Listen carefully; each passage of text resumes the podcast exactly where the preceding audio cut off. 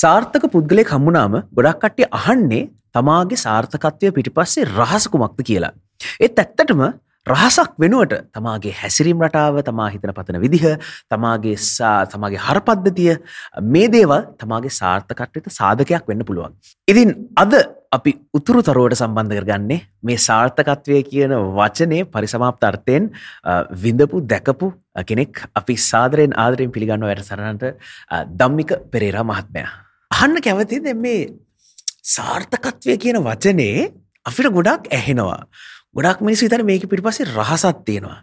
දැන් ධම්මික පෙරේරා කියන මහත්මයා දේ නැගිටි දීරයට නිදාගන්න යද්දී මම සාර්ථකයිද සාර්ථකත්වය කියන්නේ කුමක්ද ඔබතුමාට ඔබතුමාටම සාර්ථකත්වය කියන්නේ මොකක්ද? මෙහෙමනේ ඒක එකින් එකිනාට සාපේක්ෂයි. දැන් අපි කිව්වොත් එහෙම කතා කරොත් ඕනම කෙනෙකුට ඕනම ලෙවල් එකක සාර්ථකයි කියලා නවතින්න පුළුවන්. මං වගේ කෙනෙක් මේ ලංකාවෙන් නැවතිලා තිනවනේ. ඇයි මං වගේ කෙනෙක් සාර්ථකයි කියලා ලෝකෙ විදිහටම හිතලා ඇයි එතනට යන්න ඕනේ කියලා හිතන්නේ නැත්තේ. ඒ කියන්නේ එක එක්කෙනා සතුටු වෙන ලෙවල්ස් තියෙනවා. ඒතර ඒ ලෙවල් එක රීච් කර ගමන් එයාට මුදල කියන එක අගේ නැති වෙලා යනවා. ඒතර එතකොට තමයි යාට හිතෙන්නේ සාර්ථකයි. මෙතනින් එහාට මුදල් අවශ්‍ය නැහැ. එහෙනම් දැන් මගේ තියෙන මේ දේවල් ඔක්කොමත් එක්ක අපි කිව්ව දැන් මට බිත්තරයිති කියලා. මේකේ කූඩේ මේ දාගෙන යන කූඩේ ත්‍රෙට් එකක් තියෙනවාද කියලා බලන්න. දැන් මේ මං ඉන්නේ ඒ වගේ වෙලාවක. දැන් මන් මට පේනවා මගේ බිත්තර තියෙන වැඩි හරියක් බිත්තර තියෙන වෙන රටවල් වල ෆැක්ටරිස් තියෙනවා ඔක්කොම තියෙනවා. හැබැයි මං කියන වැඩි හරියක් බිත්තර තියෙන තැනට රට බංකොලොත් කියලා කියනවා. ඉතින් එතකොට මං වගේ කෙනෙක් නිකන් ඉන්න ඕනේ නැහැ. එතකොට අර ඒක ගොඩක් විටම අපිට තේරෙන්නේ අර මිනිස්සෙක් හිතන පතන විදිහ සහ දකින කෝණය.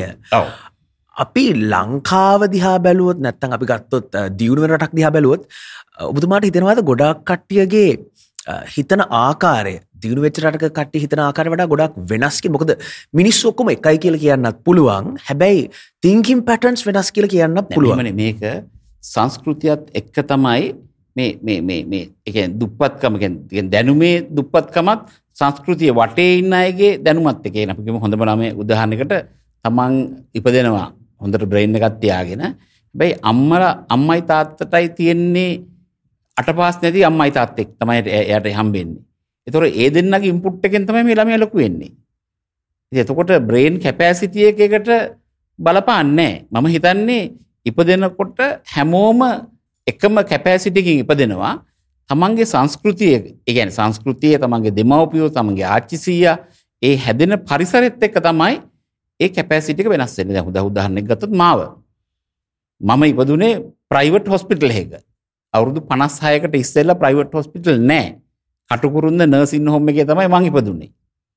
හරිද? මම ඒ වගේ පවුල් බෑග්ග්‍රවුන්ඩ් එකක තමයි ඉපදෙන්නෙත්. ඉතින් ඉපදුනාට මම දකින්නෙත් මගේ සීයාව, මගේ තාත්තව, මගේ මාමා කෙනෙක් ඉන්නවා අම්මගේ පැත්තේ. ඒ මාමාව. ඉතින් ඔක්කොම දැක්කහම මම මේ අද කරලා තියෙන එක එච්චර ලොකු දෙයක් කියලා කියන්නත් අමාරුයි.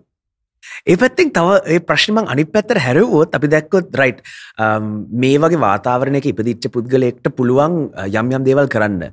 එතකොට සියලුම කට්ටිය ඒ වගේ වාතාවරණවල ඉපදෙන්නේ නැහැ. එතකොට ඒ වගේ කෙනෙක්ට නෝ ඔප්ෂන්ද කොහොමද ඒ වගේ කෙනෙක් අර තමාගේ පවුලේ වටපිටාවේ තියෙන අර රිස්ට්‍රික්ෂන් එකත් කඩාගෙන හිතන පතර විදිහත් පොඩ්ඩක් බ්‍රේක් කරලා ඒ වගේ පුද්ගලෙක් මොන වගේ දෙයක්ද කරන්න ඕනේ? මෙහෙමයි. දැන් ලෝකෙ හැමතැනම මේ දැනුම කියන එකට මුදල් තමයි බාධා කරන්නේ. ඒ කියන්නේ හැමතිස්සෙම මේ දුප්පත් පෝසත් කියන එක මම දකින්නේ මේක වෙන් වෙන තැන තමයි කාටවත් තාම තේරෙන්නේ Tamanට ඉගෙන ගන්න මුදල් තියෙනවද නැද්ද? එක දෙක ඒ දෙමව්පියන්ට ඒ මුදල යූස් කරලා ළමයාව දාන්නේ හරි තැනටද නැද්ද තොර ළමයෙක් මෙන්න මේ කඩුළු දෙකම පනින්න ඕන. ගැන එක සල්ලි තියෙන්න්න ඕනේ දෙක සල්ලි තිබුණත් වැරදි අධ්‍යාපනයක් දුන්නොත් ඒත් සමහරක් වෙලාවට ළමයා වෙන පැත්තකට යනවා. ඉතින් මේ දෙක කඩුළු දෙකක් පැනලා තමයි එන්න ඕනේ. ඒතර ඕකට තමයි මම විසඳුමක් හැටියට මේ DP education එක පටන් ගත්තේ. ඒතර DP education එක පටන් ගත්තාම අපි හැමෝටම කිව්වේ අපි even the tuition teachers අපි කිව්වේ අපේ ලෙවල් එකට හැමෝටම උගන්වන්න. මොකද ඉස්කෝල ගත්තත් හොඳටම නරක ඉස්කෝල තියෙනවා. ටියවෂන් සර්ල ගත්තත් හොඳටම නරක ටියවෂන් සර්ල ඉන්න. බැයි ඒ නරක ටියවෂන් සර්ට අරින දෙමෝපියෝ දන්නේ මේ සර් නරකයි කියන. හරි ඒ වගේම ලංකාවේ මේ රිසල්ස් මේ වගේ තියෙන්න මම හිතනෝ සියට පණහක්ම දායකත් එද ටියවෂන් සර්ල කියලා. මොකද ඒගොල්ලන් තමයි අර අබ්්‍රේඩ් වර්ෂන් එකෙන් ලෝකෙ තියනවා හොයලා ඔක්කොම කරලා ගේන්නේ එටියවෂන් සර්ලා මොද නැතන් අධ්‍යාපන දෙපාර්මෙන්තින් කරන්න පේ දෙපාර්මෙන්තියෙන් කරන්න ඉස්සෙල්ලා ටියවෂන් සර් තමයි මේ ලෝකෙ තියෙන දේවල් ළමයට දෙන්න. තියකින්ද දැන් මම ඇත්තටම ඩියපි එඩිකේෂන් එකෙන් කරේ සල්ලි නැතුව ඉගෙන ගන්න ලෑස්ති කර.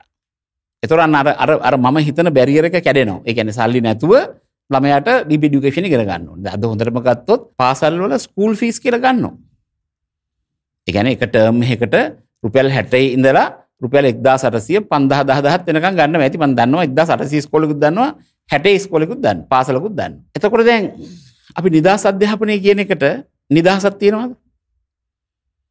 ඒ රුපියල් හැට නැති ළමයා ලිව්මක් ලියන්න ඕනේ ග්‍රාමසයක නිලධාරීට. නිලධාරීට ලිව්ව ලියලා ග්‍රාමසයක නිලධාරී ආයි විදුහල්පතිර ලිව්මන් ලියන්න ඕනේ මෙයාට රුපියල් 60ක් නැහැ කියලා. ඒතර සමහරක් ඉස්කෝලේ තියෙන 125ක් ළමයි ඒ වගේ. ඉතින් එතකොට නිදහස් අධ්‍යාපනය එතන නැහැ. ඒතර මම දකින්න එක. සල්ලි නැතිව ඉපදෙන ළමයෙක්. ඒ කියන්නේ දුප්පත් ළමයෙක් මං වගේ වෙන්න පුළුවන්ද?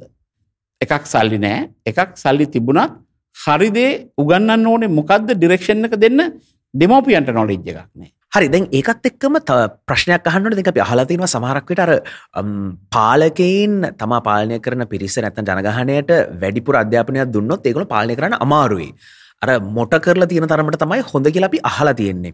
එතකොට ඒක එක පැත්තක් සහ අනිත් පැත්ත අධ්‍යාප DP education වගේ තැනකින් අධ්‍යාපනය ෆ්‍රී අධ්‍යාපනය මෙන්න මේක තියෙනවා ගන්න කියලා දුන්නත් සමහරක් මිනිස්සු ඒක ගන්න ලෑස්ති නැහැ. එතකොට එක පැත්තකින් මිනිස්සු කෝණ දෙකක් තියෙනවා. එකක් තමයි දෙන්නේ නැහැ. දුන්නට පස්සේ ද මේ මේක ගන්න ලෑස්ති නැහැ. අර අයිඩියල් සිටුවේෂන් එකක් එනකම් ඉන්නවා මේ. එහෙම කියන්න බෑ. අපි ට්‍රැඩිෂනල් තින්කින් වල හිටියොත් ගොඩක් අය ලංකාවට ආවෙනික අධ්‍යාපනයක්. තුර ලංකාවට විතරයිනි. එතුර ඒක කරන්න බෑ. මේක ඉන්ටර්නැශනලි මැච් කරන්න පුළුවන් අධ්‍යාපනයට ගෙනාවත්. ඉන්ට්‍රේශලි මැච් කරන්න ඕනි සබ්ජෙට් හතරයි. Science maths English IT. ඔය හතර ඉන්ටර්නේශනල් ලෙවල් එකට මැච් කරාන ඉතුරු හතර අපේ ට්‍රඩිෂනල් ඒව තියාගන්න පුළුවන්. ඒක ප්‍රශ්නයක් නෑ. ලෝක මේ හතර තමයි ෆෝකස් කරන්නේ. හැබැයි මේක හරියට පාසල් අධ්‍යාපනය ඇතුළට දැම්ම ගමන් මගේ එක කියන මේක අවුරුද්දෙන් හදන්න පුළුවන් රට අවුරුද්දෙන් අධ්‍යාපනයේ පාසල් අධ්‍යාපනයට අරටික දැම්මනම් ඔය විෂයන් හතර දැම්මනම් ටියවෂන් පටන් ගන්න ඒ විෂයන් හතරේ විදිහට ස්කෝලෙත් වැඩවෙන්නේ ඒ විදිහට. සිිස්ටම් එක හෙම සිිස්ටම් එකයි. හෙමන ස්කෝල දහදහා එක හා සමානව ගන්නන්න පුළුවන්නම් අවුරුද්ධෙන් හදන්න බයිදරට අවුරුද්ධෙන් අධ්‍යාපනය හදන්න පුළුවන්. දැම් මේ අපි මේ ගමන් කරමින් යන්නේ මේ ගලෝබල් සිටිසන් කියන කෑල්ලට. ලංකාව සිටිසන් නෙවෙයි. තවටික දවසක් යනකොට දැම් දැන් සමහරක් රටවල් ඩුබායි සිංගපු වගේ රටවල් පාස්පෝට් එකත් එපා කියලා කියන්නේ දෙදස් විසි හතරනකට පාස්පෝට් එකත් එපා කියලා කියන්නේ. ඉතින් එතන්ට රටවල් එනවා දැන්. ඊට පස්සේ පාස්පෝට් කියන ගන්නේ අපි හැමෝම ලෝකෙ සිටිසන්ස්ලා සමහරක් රටවල් රෙස්ටික් කරලා තියෙයි පනී කියලා එතන්ට යයි කියලා බයට. ඒ අරෙන් ඉතින් මිනිස් ෆ්‍රීලි ඔක්කොම මුළු වටේම කැරකෙයි. දැන් වෙනකොට ඉලොන් මාසුත් ස්ටාලින්ක් එක ඕන් කරන්න යන්නේ. මම දැක්කා ළඟදී ඊයේ පෙරේද නිවුස් එකක්. එයාගේ රෙවනිව් එකම ප්‍රෙඩික්ට් කරලා තියෙනවා 2024ට බිලියන 15ක් ඒ කියන්නේ මුළු ගම් විලේජස් ඔක්කොම කනෙක්ට් කරන්න යන්නේ. ඉතින් ඒ වුණාට පස්සේ ඉතින් මේ ලෝකෙම එකයි. ඒ උත්තර බර අහන ගොඩා ප්‍රශ්දිර එක ප්‍රශ්නයක් අහන්නම්. හැබැයි රටක් සාර්ථක වෙන්න ඔබතුමා කිව්ව දැන් එක එක බැරිියස් තිනව එකක් අපි හිතුම අපේ මූල්‍යමත් පැත්තෙන් අපේ ඩොලස් ප්‍රශ්නය නැත්තං මිනිස්සු හිතර පත විවිධාකාර ප්‍රශ්තිීන් බල එතකොට ඔබතුමා හිතන විටියට රටක් සාර්ථක වෙන්නේ කුමන සාධක සාධකවලින්ද? නැත්තං මොන ආකන රටක් සාර්ථක වෙන්නේ? මෙහමනේ දැන් අපි මේ රටට මොකක්ද කියන්නේ? පින්කෙත්ත හෙළ රන් දෙරනේ. කොහොමද මේ පින්කෙත හෙල රන්දිරණ හැදුනේ? මිහිඳු හාමුදුරුව එනකොට බුද්ධහගම අවබෝධ කරගන්න පුළුවන් පිරිසක් ලංකාවේ හිටිය. ඒ ගැන මොකද? ඒ පිරිසම කවුද උගත් පිරිසක්. එතකොට මේක තමයි පින්කෙත මේක තමයි රන්දෙරණ මේකර තමයි අපි අමතිස්සේම ආස. හැබැයි මේ පින්කෙත අද වෙනකොට බංකොලොත් කරලා නැති. ඇයි මේ බංකොලොත් කරන්න හේතුව. අපි මිනිස්සුන්ව එදදාස් නමසී අසුවෙන් පස්සේ අප්ග්‍රේඩ් කරල නෑ එතකොට අපි අප්ග්‍රේඩ් කළ නැත්තං ආණ්ඩුවක් වශයෙන් මොකක්ද වෙලා තියෙන්නේ? අපි 1G ෆෝන් එක ඉන්නේ. දැන් 1G ෆෝන් එක වැඩ කරන්නේ 1G ෆෝන් එක වැඩ කරන්න නැති තමයි මේ බැංක්‍රප්ට් වෙලා තියෙන්නේ. මොකක් හින්දාද? අධ්‍යාපනයේ මදිකම හැබැයි ඒ කාලේ ඉඳලම අපි දේශපාලනයට හැමෝටම බයිනවනේ. මේ සමහරක් අය මේ රටේ රිසෝසස් තියෙනවා කියලා පෙන්න පෙන්න ඉන්නවා. අපි අනවශ්‍ය ටයිම් දානවා මේ පින්කෙත හෙල රන්දරණය කියන කෑල්ලට ඉගෙන ගන්නේ නැතුව මේ එක එක දේවල් විකුණලා අපිට ගෙවල් හදන්න පුළුවන් කාර් ගන්න පුළුවන් නෑ. ඉගෙන ගත්තොත් තමයි දෙකම කරන්න පුළුවන්. ඉතින් මේ ඉගෙනීම කියන අධ්‍යාපනය කියන එක මේ විදිහට ෆෝකස් කරලා අපි හැමෝටම ඉගැන්නුවේ නැත්තම් පින්කෙත හෙල රන්දරන අපි බංකොලොත් කරලා බලන් ඉන්න හැබැයි මම එක කරන්නේ මම හිතන්නේ පින්කෙත හෙල රන්දරන ආයි එතන්ට ගේන්න පුළුවන්. ආයි නැකිරන්න පුළුවන්. නැකිරන්න පුළුවන් හැම උත්සාහයක්ම මම කරගෙන යනවා. ඒ මේ මෙහෙම මං ඒක කියන්නේ. පින්කෙත හෙල රන්දරන අවුරුද්දෙන් ට්‍රැක්කට දාන්න පුළුවන්. අවුරුද්දෙන් රිසල්ස් එන්නේ නැහනේ. අධ්‍යාපනය හදපු ගමන් අපි දන්නවා හරි ට්‍රැක් එකේ ඉන්නේ කියලා. එතකොට පින්කෙත හෙල රන්දරන එතන්ට දාන්න ඕනේ අපි.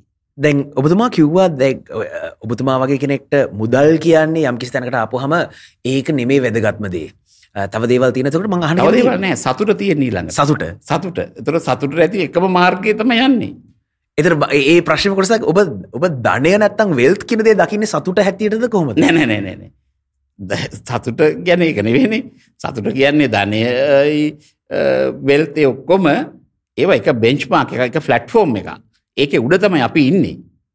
ඒක ඒක උඩ ඉඳලා දකින එක තමයි මම මේ කියන්නේ. සතුට කියලා කියන්නේ.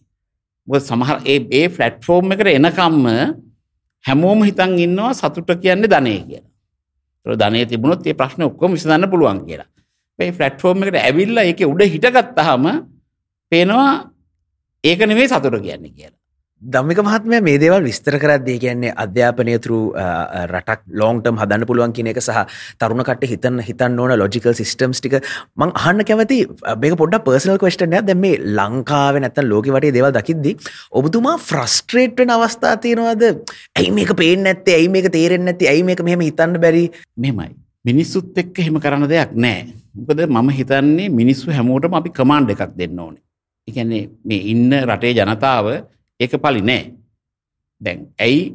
ඒ උඩින් ඒටික හරියට කිව්ව නැත්තං ඒකුළන් එක දන්නේ මං ඒකන කියන්නේ. දැන් අර අර සංස්කෘතියේ බැඳීමත් එක්ක තමයි ඇයින්න. මං කවදක්කත් රටේ ඉන්න අයට මෙොක් කියන්නේ එකන අපිට කතරගම යන්න ඕන කියලා ඔන්නම් එක පාරලින් යන්න පුලන්නේ කතරගම යන්න ඕන කියලා පුත්තලම් පාරත් යන්න පුලන්නේ එතුර කතරගම හම් වෙන්නේ නේ ඒ වගේ වෙන වෙන පාරවල්වල ගියාට ඒ යන එක තමයි මං කියන්නේ අදාළ වෙන්නේ.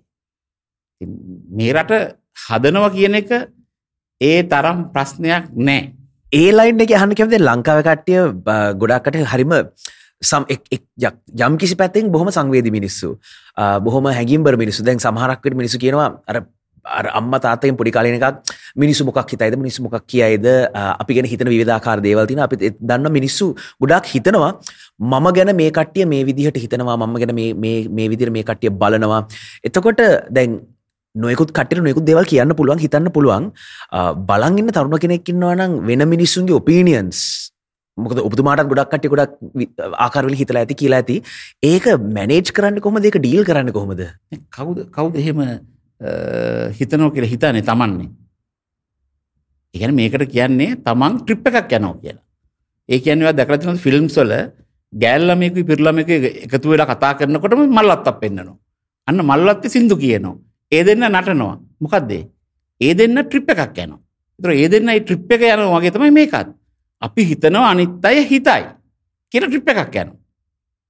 ද මං වගේ කෙනෙ එම පුත් හිතන්නේනේ මංහිතන්නේ කවුහරි මොනහරි කිව්වොත් මං කරන වැඩේ මොනහරි අඩුපාඩුවක් තියෙනවා. ඒක තව ටිකක් ඉම්ප්‍රූව් කරන්න පුළුවන්.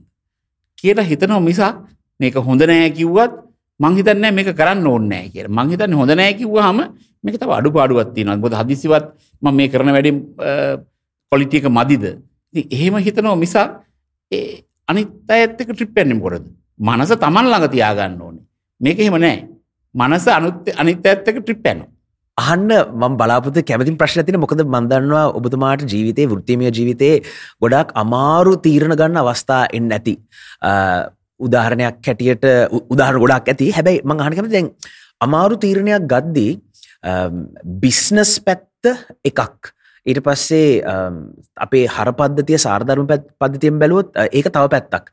අමාරු තීරණ ගද්දී ඔබතුමාට උදාහරණයක් එක කියන්න පුළුවන් නම් ගයිඩ් එකක් දෙන්න පුළුවන් කාට හරි මෙන්න මෙහෙම හිතලා බලන්න මේවා සලකලා බලන්න ඒ වගේ මෙහෙමයි දැන් මේක එකින් එක එක්කෙනාට වෙනස් දැන් හැමතිස්සෙම දැන් මේකේ ගොඩක් දේවල් රඳා පවතිනවා Google එකට ඉංග්‍රීසියෙන් ගිහිල්ලා ටයිප් කරගන්න බැරි අයට. ඒ කියන්නේ Google එක තියෙනවා නම් ඉංග්‍රීසි ටිකක් දන්නවා නම් හෑන්ඩ්ෆෝන් එක තියෙනවා නම් මේ අයට ඕන වෙලාවකට ගිහිල්ලා ටයිප් කරලා වර්ල්ඩ් එකේ නොලෙජ් එක ඉගෙන ගන්න පුළුවන්. හැබැයි අනිත් අයට සිංහලෙන් ගන්න කොහෙද තියෙන්නේ දැන්නම් YouTube සොලහෙම ඇවිල්ලා සමහරක් අය එක්ස්ප්ලේන් කරනවා හැබැයි කරාට ඒගොල්ලන්ට ගන්න දැනක් නැහැ. මොකද සිංහලෙන් මේ ડોකියුමන්ට්ස් දාන්න බෑනේ. මේක අයිලන්ඩ් එකක්. චීනයට චීන භාෂාවෙන් හදන්න පුළුවන්. ඉන්දියාවට ඉන්දියන් භාෂාවෙන් හදන්න පුළුවන්. ස්පේන් ඉස්සර ඉඳලම ලෝකේ ගොඩාක් රටවල් තිබිච්ච ඉඳලා ස්පැනිෂ් වලින් තියෙනවා.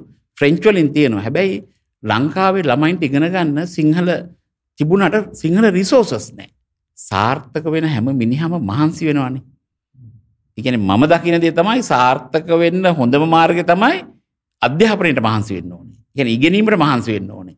ඒකෙන් යන රූට් එක අර අතේ පයේ මහන්සියට වඩා අඩුයි. ඒ ඒ එතකොට අපි ගත්තොත් ඒ ට්‍රැක් එක දැන් එක ළමයෙක් ඉන්නවා. ඒ ළමයාට ඕනේ හරි මට ඕනේ මේ ට්‍රැක් එකට ඇවිල්ලා මෙහෙම ඉගෙන ගන්න IT පැත්ත ගමුකෝ මට IT පැත්තෙන් ඉගෙන ගන්න ඕනේ. ඒත් ඒ ළමයාට ගෙදරින් කියනවා නෑවා වෙනම පැත්තකට යන්න ඕනේ. එතකොට ඒලාමය දැ හිරවෙලා අම්මතාත කියනද හන්නත් ඕනේ. එතකොට ඒලාමය තීරණය තීරණයක් ගන්න කොහොමද? මට මේ දේ කරන්න අර ඇතුළෙන් ඕන ශක්තිය නැත්තම් මට මේ දේ කරන්න පවර එකක් විල්ල එකක්. ඒලාමය පොඩිලමයක තීරණය කරන්න කොහොමද? මෙමද පොඩ්ලමයත් ඇත්තටමද එතනතම ඒලාමයටත් මේ අවට තින දැනු මෝන දැ ම ඕන්ලට හැමසම ගැන්නේ දෙමවපිය අපගේමක ඩක්ට කෙනෙක් වෙන්න කියන මම කියන ඩොක්ටරත් අයිටී ගෙන ගන්න ඕනේ. එතුර ඒ ළමයට එක රූට් එකක් තියෙනවා. අම් දෙමෝපිය කැමතින ම ඩොක්ට කෙනෙක් වෙන්නම්. හැබැයි මට අයිතිත් ඉගෙන ගන්න දෙන්න. දැන් සමහරක් අය එහෙම නෙවෙයි කියන්නේ ඔක අනිත් පැත්තට. මට ડોක්ටර් වෙන්න බෑ. මට IT ඉගෙන ගන්න ඕනේ. එතකොට දෙමව්පියොත් එක්ක ගැටණයක් ඇති වෙනවා. මම හොඳම එක්සාම්පල් එකක් කියන්නම් ඔකට. ඉතින් අටේ පන්ති වසර ළමයි අපි ළඟට ආවා. මාස 6කට විතර ඉස්සෙල්ලා ඔය 7 ඉඳලා 8ට පාස් වෙනකොට අම්මලා කියලා තිනවා ඔයා ડોක්ටර් කෙනෙක් වෙන්න ඕනේ. දැන් පුතා IT කරපු එක ඇති. මම පන්සලේ හාමුදුරන්ටත් කියලා ආවේ ඔයාව මං අදින් පස්සේ වන්නේ නැහැ කියලා. ආ දන්නවද මේ ළමයා අහපු ක්වෙස්චන් එක අම්මගේ? අම්මව දැන් මං ඩොක්ටර් කෙනෙක් වෙන්නනේ. අම්මා දන්නවද අපේ ඉස්කෝලේ A level කරලා කිසිම එක්කෙනෙක් මෙඩිකල් කොලෙජ් යන්නේ නැහැ කියලා. අම්මා කිව්වලු දන්නේ නැහැ. ඉතින් එහෙනම් අම්මා දැන් මා මේ ඉස්කෝලේ තියලා හරියන්නේ නැහනේ. අම්මා මාව A level කරන්න තව ඉස්කෝලේකට අරින්න මෙඩිකල් කොලෙජ් එකට යන පාස් වෙන ළමයි ඉන්න. අම්මා කිව්වලු එහෙම මට කරන්න සල්ලි නැහැ. මට ඔයාව ඔය ඉස්කෝලේ තමයි තියන්නේ. ඉතින් මම කිව්වා මේ ඉස්කෝලේ තියලා වැඩක් නැහැ මාව. මට මෙඩිකල් කොලෙජ් යන්න බෑනේ. ඒකම අම්මට කිව්වලු මෙයා අම්මට තව එක දෙයක් කරන්න පුළුවන්. හාමුදුරන්ට ගිහිල්ලා මාවත් එක්ක දැන් කියන්න පුළුවන් ආයි පන්ති එනවා කියලා. IT ඉගෙන ගන්න. මං ඒක හරි කරගන්න. ඉතින් මේ ප්‍රශ්නේ විසඳගත්තා. ඒ වගකීම තියෙන්නේ කොච්චර පොඩිනත් ඒ පුද්ගලයා ඇති වගකීම තියෙන්නේ. මම දෙමව්පියොන් ඒ ළමයාව 100%ක්ම කන්ට්‍රෝල් කරන් ඉන්නව නම් ළමයාට යන්න බෑනේ. ඒ කියන්නේ ගිරවෙකුට කූඩුවක් අස්සට දාලා කූඩුව සම්පූර්ණයෙන්ම ලොක් කළා නම් ගිරවට අපිට කතා කරන්න බෑනේ ගිරව ඉලයනවා කියලා නේ හැබැයි කූඩුවේ ඇරලා තිනවනම් දොර ඉගිරිලා ගිහිල්ලා එන්න පුළුවන් කුඩුවට. ඒ ඒත් එක්ක මං අහන්න දැන් ඔබතුමා කියන පුද්ගලයා ධම්මික පෙරේර කියන පුද්ගලයා ගත්තාම ඔබතුමාට තිබ්බොත් රයිට් මේක ටෆ් ඩිසිෂන් එකක් මේක අමාරු ඩිසිෂන් එකක්. එතකොට ඔබතුමා හිතන තින්කින් ලයින් එක මොකද්ද? මෙහෙමයි. දැන් මට ප්‍රශ්නයක් ආවොත් මම ඒ ප්‍රශ්නෙට එවලේ උත්තර දෙන්නේ නැහැ. ඒක ලෝකේ අනිත් මිනිස්සු මේ ප්‍රශ්නේ විසඳලා තියෙනවාද? නැත්නම් මේ ප්‍රශ්නේ කෑලි වලට කඩන්න පුළුවන්ද? ඒතර කැඩුවෙන් පස්සේ හොඳ විසඳුම් තියෙනවාද? සමහරක් ප්‍රශ්න තියෙයි ප්‍රශ්නෙන් 100කට උත්තර නැහැ. 80කට බෑ හොඳ උත්තර තියෙනවා. ඉතින් අපි ප්‍රශ්නේ කඩලා සියට අසුවට ට්‍රීට්මන්ට් එක දෙනවා මේ ඉතුරු විස්ස ගැන එච්චර වොරි වෙන්නේ නැහැ. දැන් මම හොඳ උදාහරණයක් අහන්න. කෘෂිකර්මාන්තය ගැන කතා කරන්න ඔක්කොම එනවනේ. ඔක්කොම කතා කරන්න එනවා. ඔය එන එකකින් එක ප්‍රශ්නයක් අහන්න ඕනේ. ඔයා හරියට වවන්නේ දන්නේ මොන බෝගෙද? ඒ බෝගේ මිනිස්සු කොච්චර ලංකාවේ දවසකට ඕනද? ඒක වවන්න අක්කර කීයද ඕනේ? එක බෝගයක් ගැන කරට කතා කරන්න ගැන පුළුවන්. හැමෝම ඇවිල්ලා කෘෂිකර්මයේ කෘෂිකර්මයේ කියලා කතා කරනවා. ඒ කතා දැන් මගෙත් එක්ක ඔය කතා කරන්න එනවනේ. මං අහන්න මිස්පෙර මගේ ළඟ හොඳ ප්‍රොපෝසල් තියෙනවා කෘෂිකර්මාන්තයට. මං කිව්වා හරි හොඳයි. දැන් මොන භෝගයක්ද ඔයාලට තියෙන්නේ? ඇයි මිස්පෙර භෝගයක් ගැන අහන්නේ?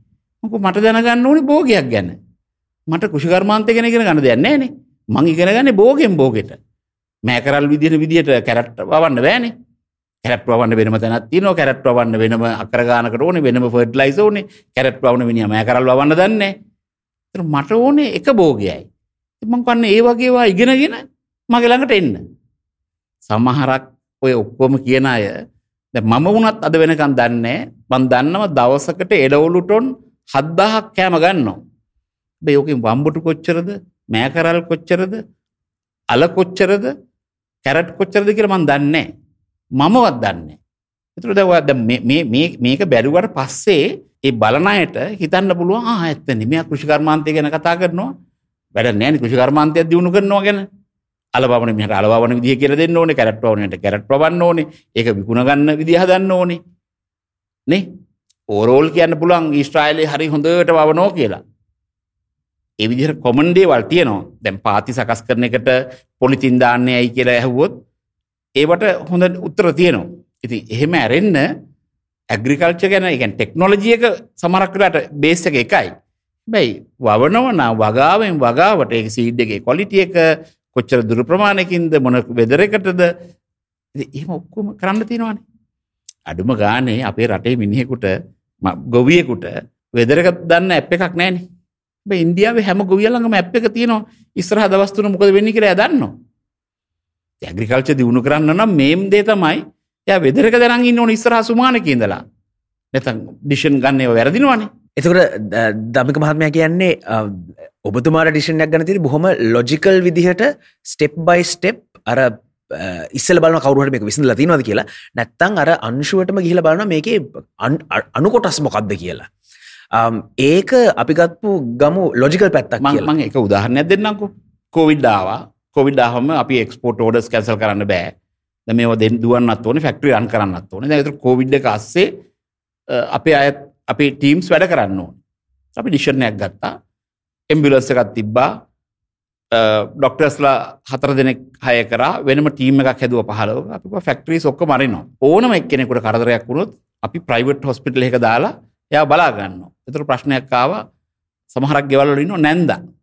ගෙදර ඉන්න සියලුම දේවල් බලාගන්න අපි දවසක්කත් ඔය ෆෙක්ටරිස් වැැහුවෙනෑ සියලුම අයව අපි බලාගත්තා එම අපට කරදරයක් වුණෙත් නෑ ඉතින් අපි එතන්ට ඒකත් ලොකු ඩිසිෂන් එකක් අන්න ඒක කවුරුත් අපිට ස්ට්‍රැටජි එකක් ප්ලෑන් කරන්න බෑ. අපිට තීරණය කරන්න තියෙන්නේ ලංකාවෙන් මේ ඕඩර්ස් ටික යනවාද එළියට? නැත්නම් මේක අපි තියාගන්නවද? ඉතින් අපි ඒකින්ද ඒ වගේ ස්ට්‍රැටජිස් ඒ වගේ හැබැයි ඒකත් බැලුවහම ලොකු ඩිසිෂන් එකක් කියලා හිතන්න පුළුවන්ද? නෑනේ. ඕකේ අනිත් පැත්ත බැලුවනම් ලොජිකල් සයිඩ් එකෙන් එක ඇංගල් එකක්. හැබැයි ඉමෝෂනල් පැත්තෙන් දම්මික මහත්මයා කියන කවුද? මෙමයි ඉමෝෂනල් වෙන්න තියෙන දේවල් තියෙනවා. එකන දැන් අපි කියමුකෝ මිනිසුන්ගේ බඩකින්න කියලා. දැන් ඒවට ඉමෝෂනල් වෙන්න ඕනේ. එකන්නේ රටක මිනිසු බඩකින්න ඉන්නවනම් බුද්ධාගමෙත් තියෙනවා. ගැන බනවත් කියන්න එපා කියට බඩකින්නේ තියලා මම හිතන්නේ මේන් ප්‍රයෝරටියක මිනිහෙක්ක ජීවත් කරන්න ආර දෙන්න ඕන. එහම හිතන විදිීමේ ද මාවන්න එතන්ද මෝෂනල් වෙනවා. හැබැයි මං ඉටස ආයි ගාන හතර බැලූහම මං වගේ අයකට ඒ ලෙවල්ලකට යන්න බෑ. මම කරන්න දෙන්නවන ලංකාවටම කන්න දෙන්න ඕන. ලංකාවටම කන්න දෙන්න දවස් කීයකට කන්න දෙන්න පුළුවන්ද. එක් කරන්න බෑනේ. ඒතර ඒක රජයකට බාරයි. හැබැයි ඊළඟට තමයි මම බිලීව් කරන්නේ ඉමෝෂනලි ළමයෙකුට හොඳ අධ්‍යාපනයක් දෙන්න ඕනේ. මේ මම කියන්නේ මගේ ඉමෝෂනල් හිත ඇතුලේ තියෙන ඉමෝෂනල් පාර්ට්. හොඳ අධ්‍යාපනයක් දෙන්න ඕනේ. ඒක සල්ලි නැති වුණත් හොඳ අධ්‍යාපනයක් දෙන්න ඕනේ. ඊට පස්සේ සල්ලි තිබුණත් හොඳ අධ්‍යාපනයේ තියෙන පාරක් හදන්න ඕනේ. මේ ඉමෝෂනල් හින්දානේ මම මගේ සල්ලි වියදම් කරලා මම හිතන්නේ අනිත් ළමයි මගේ කියලා. දැන් ඒක ඇත්තම කතාවක් නෑනේ. මායි මගේ වයිෆුයි හිතනවා මුළු රටේම ඉන්න දරුවෝ අපේ දෙන්නගේ කියලා. ඒකනේ තමන්ගේ පුද්ගලික ධනෙ දාන්නේ කම්පැනි වල මුදල් නෙමෙයි නෙමෙයි. ඒකට ඒක දාන හේතුව තමයි අපි දෙන්නටම ෆීල් වෙලා තිනවා රටේ දරුවෝ අපේ දරුවෝ කියලා. ඒ අපි දෙන්නම ඒතර ඉමෝෂනල්. ඊළඟට අපි දෙන්න ඉමෝෂනල් සෞඛ්‍ය ශාස්ත්‍රයට. එතකොට අපි ඔය DP ෆවුන්ඩේෂන් කියන එක යටතේ ආම් දෙකයි එකක් DP এডুকেෂන් අනිත් එක DP හෙල්ත්. එතකොට අපි හෙල්ත් එකේ වැඩ ටිකත් කරගෙන යනවා. ඒ කියන්නේ ලංකාවෙන් ගත්තොත් ඔබතුමා රටේ තියෙන හොස්පිටල්ස් වල ඇඳන් වලින් 102ක් අපි හදපු බෙඩ්ස්. එහෙනම් අපි ඩොනේට් කර කියන්නේ අපි පරිත්‍යාග කරපුවා. අපිට අඩුම ගහන ගහන්න තිබුණා මට ඔය බෙඩ් එක DP කියලා හරි. අපි ගැහුවේ නැහැ. මොකද අපි සාමාන්‍යයෙන් පින් කරන්නේ අපි ඉමෝෂනලි මෙයාව කරන්නේ ඒකෙන් ආයි රිටර්න් එකක් බලාපොරොත්තු නෙවෙයි. ඒකින් තමයි කිසිම දෙයක් කළා නැත්තේ. ඔය ඉන්සෙන්ටිව් කෑස් වල බෙඩ්ස් ගත්තොත් 10ක් අපි තමයි පරිත්‍යාග කරලා තියෙන්නේ. ඔය කිසිම ඉන්සෙන්ටිව් එකක් අපි නම ගහලා නැහැ. ඒ සමහරක් ඉන්සෙන්ටිව් කෑස් අපි අරපුවා. දැන් හොඳම එක්සාම්පල් එක වෙලාවේ කොවිඩ් වෙලාවේ. කොවිඩ් වෙලාවේ මිනිස්සු මැරෙනවා. අපි ස්විස්තරලන්ඩ් වලින් මම හුස්ම ගන්න මැෂින් 30ක් ගෙනහලා තියෙනවා. 180යි මුළු ලංකාවෙම ගැන ඒ වගේ අයට ට්‍රීට් කරන්න තිබුණේ. ඒකෙන් 30ක් මම දීපුවා. හැබැයි මම 30 දෙනකොටත් අර හාර්ට් ඔපරේෂන් මේ බ්‍රේන් ඔපරේෂන් ලංස් ඔපරේෂන් කරන මේන් හොස්පිටල් වලට තමයි දුන්නේ. මොකද කොවිඩ් එක ඉවර වුණාම ඒ මැෂින්ස් ටික එතනට දාන්න පුළුවන්. ඉතින් අපි එතනදිත් අර ලොජිකල් ඩිසිෂන් ගන්නෙ. නැත්නම් සමහරක් හොස්පිටල් කියන අනේ මිස් පෙර අපි මෙතන මැරෙනවා දෙන්න. හැබැයි දුන්නට වැඩක් නැහැ. මොකද අපි දන්නවා අවුරුදු දෙකකින් විතර මේක ඉවර වුණාම ඒ මැෂින් එක ගෙනියන්න දෙන්නෙත් නැහැ. ඊට වඩා හොඳයි අර අවුරුදු 18 20 පරණ වෙන්ටිලේටර්ස් තිබ්බ තැන් හොස්පිටල් වලට තමයි අපි දුන්නේ. අපි අතර 27යි ගෙනාවේ. පස්සේ ජැෆ්නා හොස්පිටල් එකෙන් කම්ප්ලේන් එකක් ආවා. බලන්නකො අපිට අපේ පැත්තට දීලත් නැහැ. බලනකොට එතන අවුරුදු 20 25 තියෙන මැෂින්ස් තියෙන්නේ. පස්සේ ගිහින් ජැෆ්නා වල හොස්පිටල් එකෙත් අපි තුනක් හයි කරා. ඒකෙන් තමයි ඔය 30 උනේ.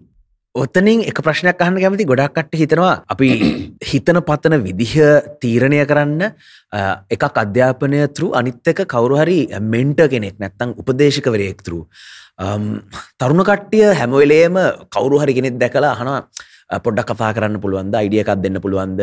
නැත්තං වැරදි මෙන්ට කෙනෙ තෝරගන්න අවස්ථත්තින දැ මේ මෙන්ට නැත්තං උපදේශ කෙනෙද ඔබතුමා දකින්න කොහොමද? තරුණ කට්ටයට එක අවශ්‍යයිද? ඔබතුමාට මෙන්ට කෙනෙක් හිටියද මෙම මට මෙන්ට කෙනෙක් හිටියේ නෑ හැබැයි ඒ වුණාට මම පුරුදු වෙලා හිටියා ඒ දවස්වල ඉඳලම සල්ලි තියෙනකොටම කන්සල්ටන්ට්ලා කියන අය හය කරා. ඒක මට ප්‍රශ්නයකට සමහරකට පැය දෙකට කන්සල්ටන්ට් හය කරලා තිනවා. පැය හතරට හය කරලා තිනවා. එහෙනම් මට යම් කිසි දෙයක් ඕන වුණොත් මම ඒක දේ ඉගෙන ගන්න මොකද ඒ දවස්වල ඉන්ටර්නෙට් එක තිබුණේ නෑනේ. කාවරි හොයා ගන්න ඕනේ. ඒ රිසෝස් එක ඕනේ. අන්නේ දැන් මම හොඳම දේ කියන්නේ දැන් මගේ වගේ කාලෙක මෙන්ට කෙනෙක් ඕනේ. හැබැයි අද ඉන්ටර්නෙට් එකේ ඔය ඔක්කොටම උත්තර තියෙනවා. බර්ල්ඩ් එකේ එක්ස්පෙන්සිව් අයත් කතා කරනවා. එතකොට බැරි මොකද්ද ලැන්ග්වේජ් එක. ඒතර අපි ලැන්ග්වේජ් එක හදාගත්තොත් අර මෙන්ටරින් කියන කෑල්ල ඉබේම හරියනවා. බැයි මේ ලැන්ග්වේජ් එක හදාගත්තේ නැත්නම් එයාට ආයි මම හිටපු විදිහට මම හිටියේ එහෙම තමයි. මම 1990 ඉඳලා ඔය කන්සල්ටන්ට්ලා හය කරලා තියෙනවා. ඒ හය කරේ මම එකම දේ තියෙන්නේ මට ඒ නොලෙජ් එක ගන්න තැනක් නැහැ. හැබැයි මෙන්ටරින් කියන කියන එකේ එකම දේ තියෙන්නේ ඔය දැන් ලංකාවේ මෙන්ටරි මං බලලා තියෙනවා හැමෝටම මම ඔය පොඩි මම ඉතින් කරනකොට හැමතිස්සෙම ඇනලයිස් කරගෙන කතා කරන්නේ. ඒතර මම දැක්ක දේ තමයි ඒගොල්ලන්ට ඕනේ මේ ඊසි සල්ලි හදන විදි. එහෙම මෙන්ටරින් කරනවා නම් ඒකට පිරෙන්නේ නැහැ. ටිකක් අමාරු දේවල් කියනකොට ඒක ඇත්ත කතාව කිව්වොත් ඒගොල්ලෝ ඒව බලනවා අඩුයි. ඒගොල්ලන්ට ඕනේ කොහෙන් හරි සල්ලි ටිකක් දරබඩ දරබඩ ගාලා. එහෙම ලෝකේ නැහැ කොහෙවත්. ඒක රැකට් එක මුල. දැන් හොඳම එක්සාම්පල් එක ඔය ක්‍රිප්ටෝ කරන්සි. මගේ රුත් අහනවා ඇවිල්ලා ක්‍රිප්ටෝ කරන්සි ගැන මොකද හිතන්නේ මං කිව්වා මට නම් එක්ස්පීරියන්ස් එකක් නැහැ. මම මේවා බිලීව් කරන්නේ නැහැ. ක්‍රිප්ටෝ කරන්සි 20000ක් විතර තියෙනවා. ඕකේ හොඳ කරන්සි ටිකකුත් ඇති. වෙයි ඕක මං හොයා හොය හොයන්නේ නැහැ. වෙයි මම කාටට කිව්වොත් ක්‍රිප්ටෝ කරන්සි හොඳයි කියලා අර 19 10 තියෙන අන්තිම එක අල්ලලත් කියන්න පුළුවන්. මිස්ටර් පෙරේරා අපිව මොටිවේට් කරා ක්‍රිප්ටෝ කරන්සි ගන්න. දැන් ඔන්න අපිට ගිය කල මං කවදාකවත් මොටිවේෂන් කරන්නේ නැහැ වගේ. මොකද මට මම නොකරන දෙයක් ගැන මම කාටවත් මොටිවේට් කරන්න මම දන්නේ නැහනේ. ඕන්නම් දැන් ගොඩක් අය එහෙමයි Taman නොකරන දේ තමයි ගැන තමයි කතා කරන්නේ. මම එහෙම කියන්නේ මම කියන්නේ මොටිවේෂන් එකක් කරන්න ඕනේ. හැබැයි ඒක ආයි කිව්වොත් අධ්‍යාපනයම තමයි. අධ්‍යාපනය කියන්නේ මොටිවේෂන් පාර්ට් එකේ හොඳම දේ තමයි ඉංග්‍රීසි ඉගෙන ගන්න එක. ඉංග්‍රීසි ඉගෙන ගත්ත ගමන් ඕන තරම් ඔපචුන්ටිස් තියනවා මෙන්ටර් මෙන්ට කරන්න අය YouTube එක ඕන තරම් ඉංග්‍රීසියෙන් කතා කරන ඉන්නවා ඒ පැත් බලපුහම දැන් අපි ගත්තොත් අ, ඔබතුමා වගේ පුද්ගලෙක් බටේ පිටේ බලද්දී සාර්ථකයි සොසයිටි කරගත් දෙවල් කරනවා. ඔබතුමාගේ ජීවිතයේ රිග්‍රෙට් කරපු අවස්ථාවත් තිනට කලකිරිච් අවස්ථාව නෑන. එහෙම වෙන්නෙම නෑ. එහෙම එහෙම වෙන්නෙම නෑ. මං හිතන්නේ ඒ ඒ හැම එකකම අ, මම ෆේඩිය කියන එක ෆේඩි එකක් හැට ගණන් ගන්න කෙනෙන්නෙවෙන් මං හිතුව හදසත් ෆේල් වුණොත් මං ඒකෙන් ඉගෙන ගත්තේ මොකද කියන එක තමයි බලලා. ආයි ඒකම කරනවා නෙක්ස්ට් ස්ටෙප් එකට. එකන මෙන්ටලි බැක්වෙන්න හැ. නෑ නෑ නෑ. ඒක මෙහෙමනේ ඒක බලන්නේ අර amount එක ලෙසන් එකක් ඉගෙන ගත්තා වගේ කන්සල්ටන්ට් කෙනෙකුගේ ෆී එකට හා සමාන කරලා පැත්තකට කරන්න පුළුවන් දෙකෙන ඕවා එන්නේ ඔළුවටනේ කොහොමද බිල්ඩින් බ්ලොක්ස් වගේ ගලවලා අයින් කරලා තියන්නේ කියලානේ. ඒක රයිට් මම මේකේ හොඳ පාඩමක් ඉගෙන ගත්තා කියලා ඒකෙන් ඉගෙන ගත්ත පාඩම මතක තියාගෙන ඒක පැත්තකට කරනවා. එතකට අහන්න කැව දැන් අම්, අපි දැකලා තියෙනවා ඉතිහාසේ අම්, සාර්ථක ව්‍යාපාරක අ, ව්‍යාපාර කරන කට්ටිය අම්, යම් කිසි ආකාරවලින් අ, දේශපාලන බලාපොරොත්තුත් එක්ක හිතනවා රයිට් රටක් කියන බිස්නසයක් වගේ මේක මෙහෙම කරොත් මේක මෙහෙම හදන්න පුළුවන්. සමහරක් කට්ටිය සාර්ථක වෙලා සමහර කට්ටිය අසාර්ථක වෙලා තියෙනවා. ඔබතුමා ඒක දකින්නේ කොහොමද? නෑ මෙහෙමනේ. දැන් මං වගේ කෙනෙක් ගන්නකො. දැන් මම තමයි ආයෝජන මණ්ඩලයේ සභාපති හිටියේ දෙදස් හතේදර දෙදස් දහය වෙනකම්. මම ආයෝජකය කියන කෞද කියලා හොඳ රඳුරනවා එයාගේ මේන්ම රික්වෑමට තමයි ඇපරුවල් එක පැය විසි අතරෙන් දෙන එක. මං එක පැය විසි අතරෙන් දුන්නා ඒ අවුරුත් තුනම. එතකොට යුද්ධය අස්සේ ඕන තරම් ඉන්වෙස් කරන ලංකාවට මිනිස්සු හිටිය. ගොද ඔයාට කොහරි යනකොට පඩි පෙලත් තියෙනවා පලවෙනි පඩියත් නෑ දෙවනි පඩියත් නෑ තුන්ගනි පඩියෙන් තමයි වට නගින තියෙන. ඉතුරු පඩි පෙර තියෙනවා දැන් ඔයා ඒ පඩි පෙරේ නගිනවත් පළවෙනි පඩි තුනම නෑ නැත්නම් පඩි හතරක් නෑ එතන. හතරවෙනි පස්වෙනි පඩියෙන් තමයි නගින්න තියෙන. ඒ කියන්නේ අර බැරියර් එක. නගින්නේ නෑනේ. ඒ වගේ තමයි ලංකාවත්. මම 2010 ගියා. එතනින් පස්සේ අද වෙනකම් කාටවත් පැය 24කින් ඇප්‍රිල් එක දෙන්න බැරි වුණා. ඇයි? අර මුල් පඩි ටික ගලවලා අයින් කරා. මම ට්‍රාන්ස්පෝර්ට් සෙක්‍රටරි හැටියටත් අවුරුදු 4ක් වැඩ කරා. ඒ වෙලාවේ තමයි ලංකාවේ ඔයගලන්ට මතක ඇති මේ රේල් පාර තිබුණේ මේ ලී සිල්බර් කොට මත. දැන් ලී සිල්බර් කොට මත තිබුණා. එතකොට දැන් මම ගිහිල්ලා පුටුවේ ඉඳගෙන මම පළවෙනි ක්වෙස්චන් එක ඇහුවේ වෙන රටවල් කොන්ක්‍රීට් තියෙන්නේ ඇයි මෙහි ලී සිල්බර් කොට දාලා තියෙන්නේ. මොකද මේන්ටෙනන්ස් යනවනේ. ඒක මම ඒගොල්ලන් කිව්ව නෑස අපිට මේ මහ භාණ්ඩාගාරයෙන් ඩිරෙක්ෂන් එකක් දීලා තියෙනවා ලී සිල්බර් කොට ගන්න කියලා. මම කිව්වා ඇයි නෑ අපිට ණයට නැත්තම් අපි ළඟ සල්ලි නෑ. සල්ලි නැති හින්දා රජයේ ආයතනයක් තමයි ටිම්බර් කෝපරේෂන් කියන්නේ. ඒතර ඒකෙන් සිල්බර් කොට ගන්න කියලා තියෙන්නේ. එතකොට මං ඇහුවා කොන්ක්‍රීට් සිල්බර් කොට හදන නෑ. සිල්බර් කොට හදන තැන් දෙකක් අපිට තියෙනවා. ඒකේ පොඩි ගාණක් අපි දැනුත් හදනවා. කිව්වහම මං ඇහුවා කොච්චරද ගාණ කියලා. අන්තිමට ඒ කියන්නේ ලක්ෂ 1 ලක්ෂ 70000ක් නැතිකමට එකක් වහගෙන ඉන්නවා. පස්සේ මගේ සල්ලි වලින් 1 ලක්ෂ 77000 දීලා මම ඒ කොන්ක්‍රීට් හදන සිල්බර් හදන තැන පටන් ගත්තා. ඒතර ওই දෙක යනකොට මට තේරුණා ඊට පස්සේ යුනියන් නාමයි ළඟට ඇවිල්ලා කොස්ස ඕක කරන්න එපා. කොන්ක්‍රීට් සිල්බර් කට දැම්මොත් අපේ OT එක හම්බෙන්නේ නැහැ. ඒතර ඒක මේන්ම ප්‍රොබ්ලම් එක ඒ ළමයින්ට තිබිච්ච OT එක හම්බෙන්නේ නැහැ. මං කිව්වා ඇයි OT එක හම්බෙන්නේ? සර් මේක හැමදාම රිපෙයාර් තියෙනකොට අපි එතන ගිහිල්ලා OT ගන්න පුළුවන්. නැත්තම් මේ පඩියෙන් ජීවත් වෙන්න බෑනේ. ඉතින් මං කිව්වා අපි කොන්ක්‍රීට් සිල්බර් කොට දාලා ඕගොල්ලෝ වෙනදර කිලෝමීටර ගන්න ඇවිදි කිලෝමීටර පහක් විතර ගිහිල්ලා ඇන ටික බලලා එන්න. සර් ඒක බලන්න දෙයක් නෑනේ කොන්ක්‍රීට් දැම්මට පස්සේ. මං කිව්වා දැන් මට ඔයාට කියන්න බෑනේ OT ගන්න ගන්න එපා කියලා. මං දන්නවනේ ඔයාට ජීවත් වෙන්න බෑ කියලා. බලන්න නැති වුණා බලලා එන්න.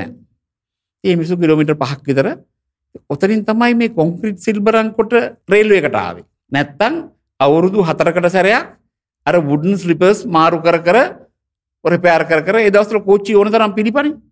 කොහොද? ඉතින් මම මේ ඔක්කොම ඒ පැත්තට හදලා තියෙන්නේ මම මේ ඔය එකයි කිව්වේ. ඉතින් එතකොට ඇත්තම කිව්වොත් ඊට පස්සේ දැන් මේ රට බංකොලොත් වුණාන් පස්සේ දැන් අපි දන්නව නම් රට බංකොලොත් වුණේ ඩොලර් හොයන්න ඩොලර් නැතිකමට. අද වෙනකන් ඩොලර් වලට හොයන්න කිසිම දෙයක් කරලා නැත්තම් මම මම පොතකුත් හදලා ඩොලර් උපයන ක්‍රම කියලා 12ක් ලියලා තිබ්බ. කියන්නේ ලොකුම 12 ලියුවා. ලිව්වා. දැන් අද වෙනකන් කළා නෑ. ඉතින් දැන් මෙහෙම නැත්තං අපි හරි දේශපාලනයට එන්න ඕනේ දේශපාලට එන්න ඕනේ මම දැන් අද වෙනකම් මම පාර්ලිමේන්තුවේ මන්ත්‍රී මම දේශපාලනට ඇවිල්ලා ඉන්නේ මම ඇමතිකමක් කරා දවස් 16ක් ඒකෙන් වැඩ කරපු දවස් 10යි තිබුණේ ඒක මම ලොකු චේන්ජස් එකක් කරලා දැම්මා. මොකද මම වගේ කෙනෙකුට මිනිස්ට්‍රි එකක් කියන්නේ මාසෙන් හදලා දාන්න පුළුවන් ආයතනය. මිනිස්ට්‍රි එක තියෙන ඕන ප්‍රශ්නයක් හදන්නේ කොහොමද කියලාත් මම දැන් උනත් ඇහුවොත් දැන් කියන්නත් පුළුවන්. එතකොට දැනට ඉන්න දේශපාලක්නින් එහෙම නොකරන්න හේතු මොකක්ද දැනුම නැතිකමද මොකක්ද එහෙමද දැනුම නැත්තම් මගේ පොත කියවන්න පුළුවන් පොතේ මේ ටික ලියලානේ තියෙන්නේ. ඌමනාවක් නැතිකම තියෙන්නේ. එතකොට අහන්න කැමති ඔය ඌමනාව කියන ප්‍රශ්නය අහපුවාම ධම්මික කියන මහත්මයාව ඩ්‍රයිව් කරන්නේ මොන වගේ දෙයක්ද ඇතුලෙන් අර හැමදාම උදේට නැගිටලා මේ දේවල් කරන්න ඕනේ මේ දේවල් උත්සාහ කරන්න ඕනේ ඩීප් এඩියුකේෂන් කරන්න ඕනේ ෆවුන්ඩේෂන් එක හෙල්ත් එක කරන්න මේ වගේ දේවල් කරන්න. මොකද්ද මේ ඩ්‍රයිව් එක කොහෙන්ද එන්නේ දැන් මෙහෙමනේ. දැන් ඒ ඒ ඩ්‍රයිව් එක අපි පොඩි කාලේ ඉඳලම අපේ අම්මා පුරුදු කරපු විදියනේ ඒ කියන්නේ හැමතිස්සෙම හොඳට ඉගෙන ගන්න ඕනේ කියන එක කොහොමද මුදල් මැනේජ් කරන්නේ කොහොමද කියලා දැන් අපිට මට වගේ කෙනෙකුට මුදල් දුන්නේ මාසෙකට එක දවසයිනේ. අපි එදායින්දලම අපි තමයි සල්ලි ටික මැනේජ් කරේ මාසෙට එක දවසේ සල්ලි දෙන්නේ. ඉතින් ඒ වගේ අම්මයි තාත්තයි අපිව ඩ්‍රයිව් කරා එතනට. ඉතින් ඒ ඩ්‍රයිව් කරපු එකේ පුරුද්ද තමයි අද වුණත් අපි කවදාකවත් නිකන් ඉන්න කල්පනා කරන්නේ නැහැ. හැමතිස්සෙම වර්ක් කරගෙන තමයි අර මෙහෙමනේ වර්ක් කරනකොට ආසාවෙන් නම් වැඩ කරන්නේ කාටවත් මහන්සි නැහැ. ඔය මහන්සි කියන හැමෝටම මහන්සි කියන්නේ හේතුව තමයි තමන් අකමැත්තෙන් වැඩ කරන්නේ.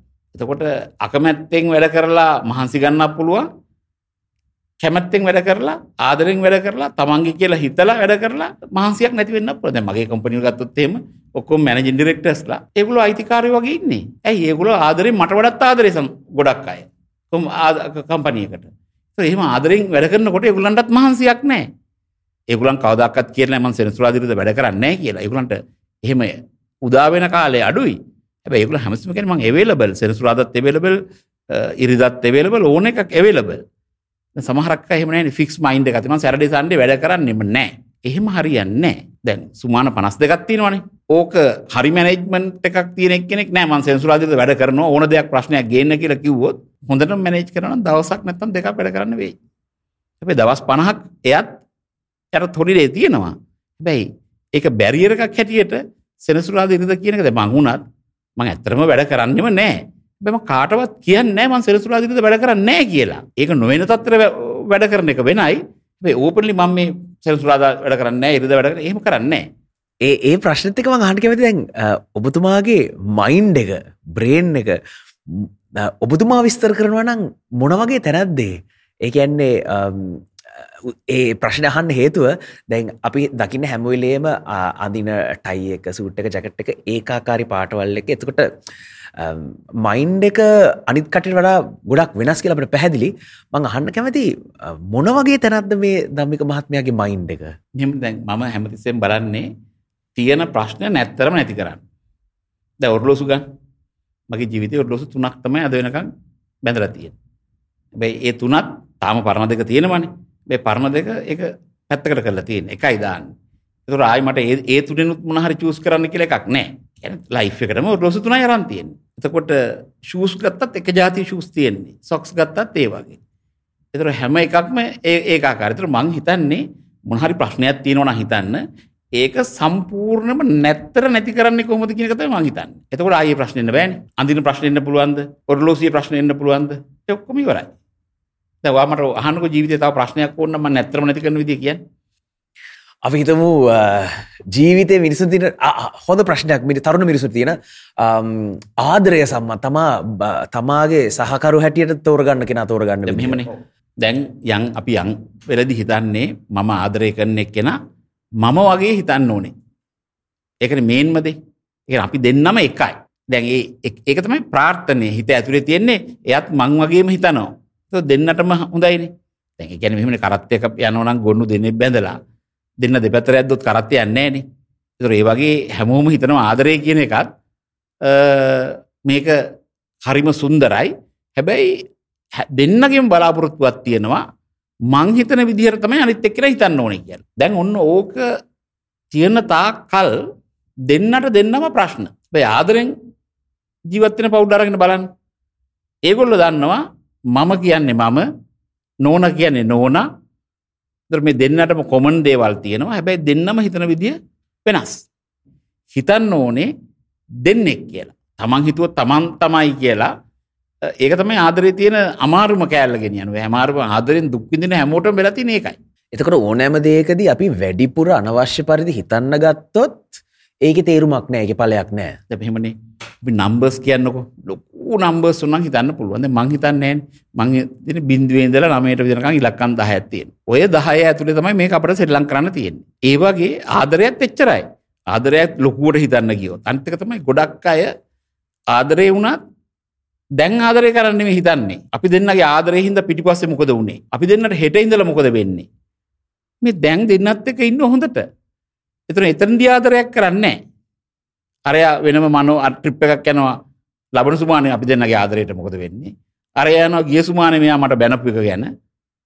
තව ට්‍රිප් දෙක දෙන්න දෙපැත්තේ ඉන්නවා. ඉතින් මං හිතන්නේ තරුණ තරුණියන්ට හොඳම දේ තමයි ආදරය කරන්න අද දවසට ආදරය කරන්න. හෙට ආවහම හෙටට ෆේස් කරන්න. බෑ එකම දේ තියෙන්නේ තේරුම් ගන්න ඕනේ මමයි මගේ ගර්ල් ෆ්‍රෙන්ඩ් කියන්නේ වෙනයි ගර්ල් ෆ්‍රෙන්ඩ් දැනගන්න ඕනේ මගේ බොයි ෆ්‍රෙන්ඩ් කියන්නේ තව එක්කෙනෙක්. මොකද මේ දෙන්නම සංස්කෘතික දෙකක හැදිච්ච ළමයි. එක දෙම එක අම්මගේ තාත්තගේ ළමයි නෙවෙයිනේ. මේක ෆැමිලිස් දෙකක්. ඒතර ෆැමිලිස් දෙකේ බෑග්ග්‍රවුන්ඩ් එක අනුව පදිංචි වෙලා ඉන්න එක අනුව ඒගොල්ලන්ගේ නෑදෑයෝ අනුව මේ දෙන්නම හිතන විදිය වෙනස්. සමහරවිට එක ඉස්කෝලේට යන්න පුළුවන්. හැබැයි හිතන විදිය වෙනස්. දෙකම පන්ති ඉන්න ළමයි 40 දෙනාම 40 විදියකට හිතන්නේ. ධම්මික පෙරේරා කියන මහත්මයා කිසිම වැඩක් නොකර නිකන් ඉන්න කාලයක් තියෙනවද? මෙම මම දවසට පෑ දෙකක් ඉගෙන ගන්න. එක මං අනිවාර්යම වෙන් කලා තියෙන්නේ. තුර සමහරක් වෙලාට ඒද ඒක පෑ හය වෙන්නත් පුළුවන්. මොද මම ගොඩක් අයට එපොයිමන්ට් එහෙම දෙන එකනෙක් නෙවෙයි. එපොයිමන්ට් දීල මට ගන්න දෙයක් තියෙන එපේ. මගෙන් ගන්න දෙයක් තියෙනවා නම් YouTube එකේ ගිහිල්ලා බලන්න පුළුවන් මට කියන්න ඕන ටික මං කියලා තියෙනවා. ඒතර නැතුව කියන්නේ මට මිනිසුත් එක්ක මේ මේ මේ කතා කර කර කාලේ අයින් කරන්න මං කැමතිම නැහැ. මොකද සමහරක් අය ඉන්නෝ යාට හොඳ නොලෙජ් එකක් තියෙනවා ඒක ඒරියා එක. ඒකට ඒ වෙලාවට අපි කතා කරලා ඒක ෆෝන් එකකින් කතා කරලා කරන්න පුළුවන්. හැබැයි මම බලන්නෙම කොහොමද නිශ්ශබ්දව කල්පනා කර කර ඉන්නේ කියලා. ඒ කියන්නේ ඒ තමන්ගේ හැපිනෙස් එකේ සතුටනේ. එතකොට ඔබතුමා හිතන විදිහට තරුණ කට්ටිය වැඩිපුර කාලය නාස්ති කරන්නේ මොන වගේ දේවල් කරලාද? දැන් දැන් තියෙන ට්‍රෙන්ඩ් එක තමයි සෝෂල් මීඩියා වල තමයි ඉන්නේ. ඒතර සෝෂල් මීඩියා වල ඉන්න එක හොඳයි. හැබැයි ඒ ඉන්නකොට බලන එකන එතනත් තියෙන ප්‍රශ්නේ. බලන්නේ තමන් නෙක්ස් ලෙවල් එකට යන එකක්ද? නැත තමන්ව තව පඩියක් පල්ලෙහාට එන එකක්ද? සෝෂල් මීඩියකින් ගොඩක් දේවල් ඉගෙන ගන්න පුළුවන්. අද වෙනකොට ඉංග්‍රීසි වචන අරව මේවා ගොඩක් ඉගෙනගෙන තියෙනවනේ. ටික්ටොක් වල ඉන්නවා. ඉතින් එහෙම තමයි ඉන්නේ හැමෝම. හැබැයි හිටියට බලන්නේ අනවශ්‍ය දේවල් නම්. ඒකෙන් මොකද ලයිෆ් එකට වෙන්නේ? දැන් හැම එකක්ම ලෝකේ ඕවා මගඇරලා ජීවත්වෙන්න බෑන. මට කියන්න බෑන ගිහිල්ල යුත්තකට කියනබද ශෝෂල් මිඩියාවලින් පැයගානක් ඔකුල කට් කරන්න. ඒක කරන්න බෑ. මම කියන්න පුළන් ඔකල ශෝෂල් මිඩියක යුස් කරලා මෙන මේ ඒරියකට කියල ෆෝකස් කළ ඉගෙන ගන්න. ටික්ටොක් එකේ වුණත් ගහන එකනුවන එන්නේ. ටික්ටොක් එක ටයිප් කරගන්න පුළන්නම් ටෙක්නොලජි කියලා. ටෙක්නොලජි ටික්ටොක් නෙන්නේ. ඒකනස් නෙන්නේ. එතර ඒවාගේ ලේටස් නිියස් කියල ගහගන්න පුළුවන්න ඒවා එකින් එක වෙනස්නේ ද මුණත් ටික්ටොක් පාවිච්චි කරන පාච්චි කරන කියන්නේ මම බලන්නේ ආයි මගේ එඩුකේෂණ එක යස් කරන්නම වෙනෙහි කරන වෙන එඩුකේෂණ එක ඔන්න ටික්ටොක් එකෙන් පොඩි වීඩිය එකක් මොද විනාඩියෙන් දෙක ඉගරගන්න පුළුවන්නේ දැන් තියෙන ට්‍රෙන්ඩ් එක අනුවම ඒකෙනුත් අපි කොහොමද හොඳ පැත්තට යන්නේ? දැ දම්මික මහත්මය කියලා තියෙන උත්තරවලින් පැදිලි දත්තමයි අධ්‍යාපනය තමයි හැමදේටම මුල. Um, ඒ අධ්‍යාපනයට එක බැරිස්තිෙන්ල අපිතුම දැන් එඩියුකේෂන් කියනදේ විතරක්ම හැදුනොත් මදි නේද? තව මොකක්ද හැදෙන්න්න ඕනේ? මෙහෙමනේ දැන් තමන්ගේ බිහේවිය හදාගන්න ඕනේ. බැ මෙහෙමයි. එඩියුකේට් වෙච්ච හැමෝම මන් දැකල තියෙන ගොඩක් දුරට ජයාරගෙන ඉවරයි. එඩියුකේෂණ එක බලන ඉගෙනගත්ත දුපත් මිනිහෙක්කිනවාද කියන දැකල තිනවන් දැන් ඔය සිංගප්පූල ගෑල්ලමයි සිර හැට පහක් යනිසිටිලින් පාසනකොට සිර තිස් පහක් පිරමයි පාසයනකොට මීටින් එක එක සියට පණහ පණහ කරන්න කියලා ආවහම ලීකන්න එක තැන කිව්වලු. අර ඔය ඉතුරු වැඩිවෙන පහල ඔගුලන් එච්චර බොරිවෙන්න එපා. ඒගොලන් ඔගුල අම්මලගේ කැටකරිය කර දාලා ඊළඟ ජෙනරේෂන් එක හදන්න තමයි ඒ ටීචස් ළමගේ කිවල් එහිද ඒ අම්මලනේ. එහිද ඒ පහල වඩු කරන්න ලෑස්ති කරන්න එපා. ඒ ෆියච ජෙනරේෂන් එක ඒ පවුල හරි හදයියා එක දෙයා රස්සාාවක් නොකරට කමක් නෑ ඒ වගේ ෆයිනලි මම එක දෙයක් අහනද? අධ්‍යාපනය නැතුව මොනඇන්ද පොලිසිස් තියනවා. ඉන්වස්මන්ට් ගේන්න ඕනේ රස්සාවල් හදන්න ඕනේ ඇග්‍රිකල්චක ඩිවලප් කරන්න ඕනේ හොස්පිටල් ඩිවලප් කරන්න ඕනේ. ඒවන ඒව කරන්න තියෙනවනේ. රජයකට දෙන්න පුළන් තුනයිනේ. එකක් තමයි අඩු මිලට කෑමටික කෑමවල ඉලෙක්ට්‍රසිටි බිල ගෑස්වල වැඩි කල්ලා එක කොට්ටාසට පඩි වැඩි කරොත් එක ඕන. එම කරහම එක කරන්න ඕනේ. හැබැයි රස්සාවල් නොකර මිනිසුන්ට බඩකින්න්න නැද්ද? ඇයි රස්සාවල් කරන්න තුනහම එගුලන්ගේ බඩකින්න කියන අයිගෙනවාද රස්සාවල් කරන්න මිනිසුන්ට බඩකිනියනවා තුර ඒ මිනිසු කොහොද ජීවත්වෙන්නේ ඒහින්ද රටක් දුවනකොට මේ බඩු මිලයි ලයිට් බිලයි ගෑස් බිලයි වතුර බිලයි මේක එඩ්ඩස් කරගන අඩු කරන්න කොහොමද කෙනෙක් තම මේන් ජොබ් එක. ඊළඟට එඩියුකේෂන් එක. ඊළඟට හෙල්ප එක. යෝජික හොස්පිටිකයි බලාගතු ඉතුරු පස්ස නිහමනේ රටක දියුණුවෙන්න ඕන්නම් ඉස්සල්ලම් පවුල දියුණුවෙන්න පැ අධ්‍යාපනයත් එක පවුල දියුණු වෙන්න පුළුවන්. පවුල දියුණු වෙච්ච පවුල් ඔය අපිට හම්බුනානන් ලක්ෂ පනස් පහ. රට දියුණුවනි දැ මේ දියුණු වෙච්ච පවුල් නැතිකම හිදන මේ රට බංකොලොත් කියර කියන්න. ඒකෙද හැම පවුලක්ම දියුණුන හම රට දියුණු නිකම්ම. ඒක කරන්න පුළන් එඩියුගේෂන් එක තුරු ඇතර මේක අධ්‍යාපනය කරන්න පුළ අධ්‍යාපනය දෙන්න පුළුවන් ළමයින්ටත් අධ්‍යාපනය දෙන්න පුළුවන් දෙමවපියන්ටත්. ඇයි? අපි අර වන්ජියක අප්ග්‍රේඩ් කරන්න වෙලා තින ෆයිජියකට තාම එදසමසි අසුවෙන් පස්සේ අප්ග්‍රේඩ් කරගන්න බැරි ප්‍රශ්නයක් මේ තියෙන්නේ. අපි එක අප්ග්‍රේඩ් කරන්න පුළුවන්නම් අපි අප්ග්‍රේඩ් කර හමිවරයින්නේ එතකරම ගහන දැන් ඔබතුමාගේ සමන් මිනිසු කියෙනවන තියෙනවා අර වැලියස් අර හර පද්ධතියක් නැත සාර්ධර්ම පද්ධතියක්. එතකොට මිනිසු තිනවා ම ඩිෂණයක් ගත් ඉස්සල්ල මහිතන මේ ඉස්සල පිට පස මහිතන මේ කියලා තියෙනවන සීක්වන්ස එකක්. ඔබතුමාගේ හෙම එකක් තියෙනවද? මේ මගේ එක හොඳටම තියෙනෙක් කෙනෙක් මම. මම ඉස්සල්ලාම ප්‍රශ්නය බලලා ප්‍රශ්නය තව කූරු ගානු එක තව ප්‍රශ්නය ඇතුළේ මොනාත් තියෙන්නේ කියල බලන්න. එතර ඒකරමට ගොඩක් ටයිම් එකක් යන ප්‍රශ්නය අයිඩෙන්ටිෆයි කරන ඊළඟට ප්‍රශ්නය ඇඩෙන්ටිෆයි කරලා මේ ප්‍රශ්නය ලෝක විසඳල තිනවද කියලා බලනු ඒ විසඳල තිනවද කියලා අධ්‍යාපනය අරගෙන තමයි ප්ලෑන් එක හදන්න. ආයමකද කරන්නේ? ප්ලෑන් එක අනු පයිලට් ප්‍රජෙක්්ටයක් කරන පොඩි එක දැ අපි අර කියමුක දැන් අපි අර ගිය පාර ආණ්ඩුවගත්ත දිශණ එකක් ඕගනික් කන්න ඕන කියලා. ඕක එක ගමකට කරලා බලන්න තිබුණන්නේ කරන්න පුළුවන්ද කියලා. එන මුල් රටරම කරහමන ඒ ලොකු ප්‍රශ්නයාවේ බේ පයිලට් ප්‍රජෙක්්කට එක සමුෘද්ධී බැංකු කලාපයක් හරි එක ඒජී ඩිවිශන සකටේරියට ටැක්හරි කරන්න තිබුණනේ. ප්‍රහිම කරනගේ ප්‍රශ්නය නෑන. ඒකින්ද තමයි මම පයිලට් ප්‍රජෙක්්ටෙක් කරන්න. ඒකත් සක්සස්තන් තමයි මං ඒක මේන් ප්‍රොජෙක්්ටෙක් කරන්න. තකොට ප්‍රබ්ලම එක අඩිෆයි කරනවා ප්ලෑන් එකක් හදනවා පයිලට් ප්‍රජෙක්් එකක් කරනවා ප්‍රජෙක්් එකක් කරනවා. තර මේක පී හතරත් තියෙනවා. තර සමහරක්කයි ඒකයි කියන්නේ මගත්තක වැඩ කරන්න හමටික කමාරුයි මිස පෙරරගේ පී හතරම පලෝ කරන්න ඕනේ කියලා. තරුණ කෙනෙක්ට ඔබතුමා දෙන්න කැමති අපි හිතුවත් බිගෙස්ට එඩ්වයිස් එක නැත්තං ඉන්සයිට් එක මොන වගේ දෙයක්දේ මෙම දැන්ගන්න තරුණකට මට දෙන්න පුළුවන් එක ඉංග්‍රීසි ගෙන ගන්න.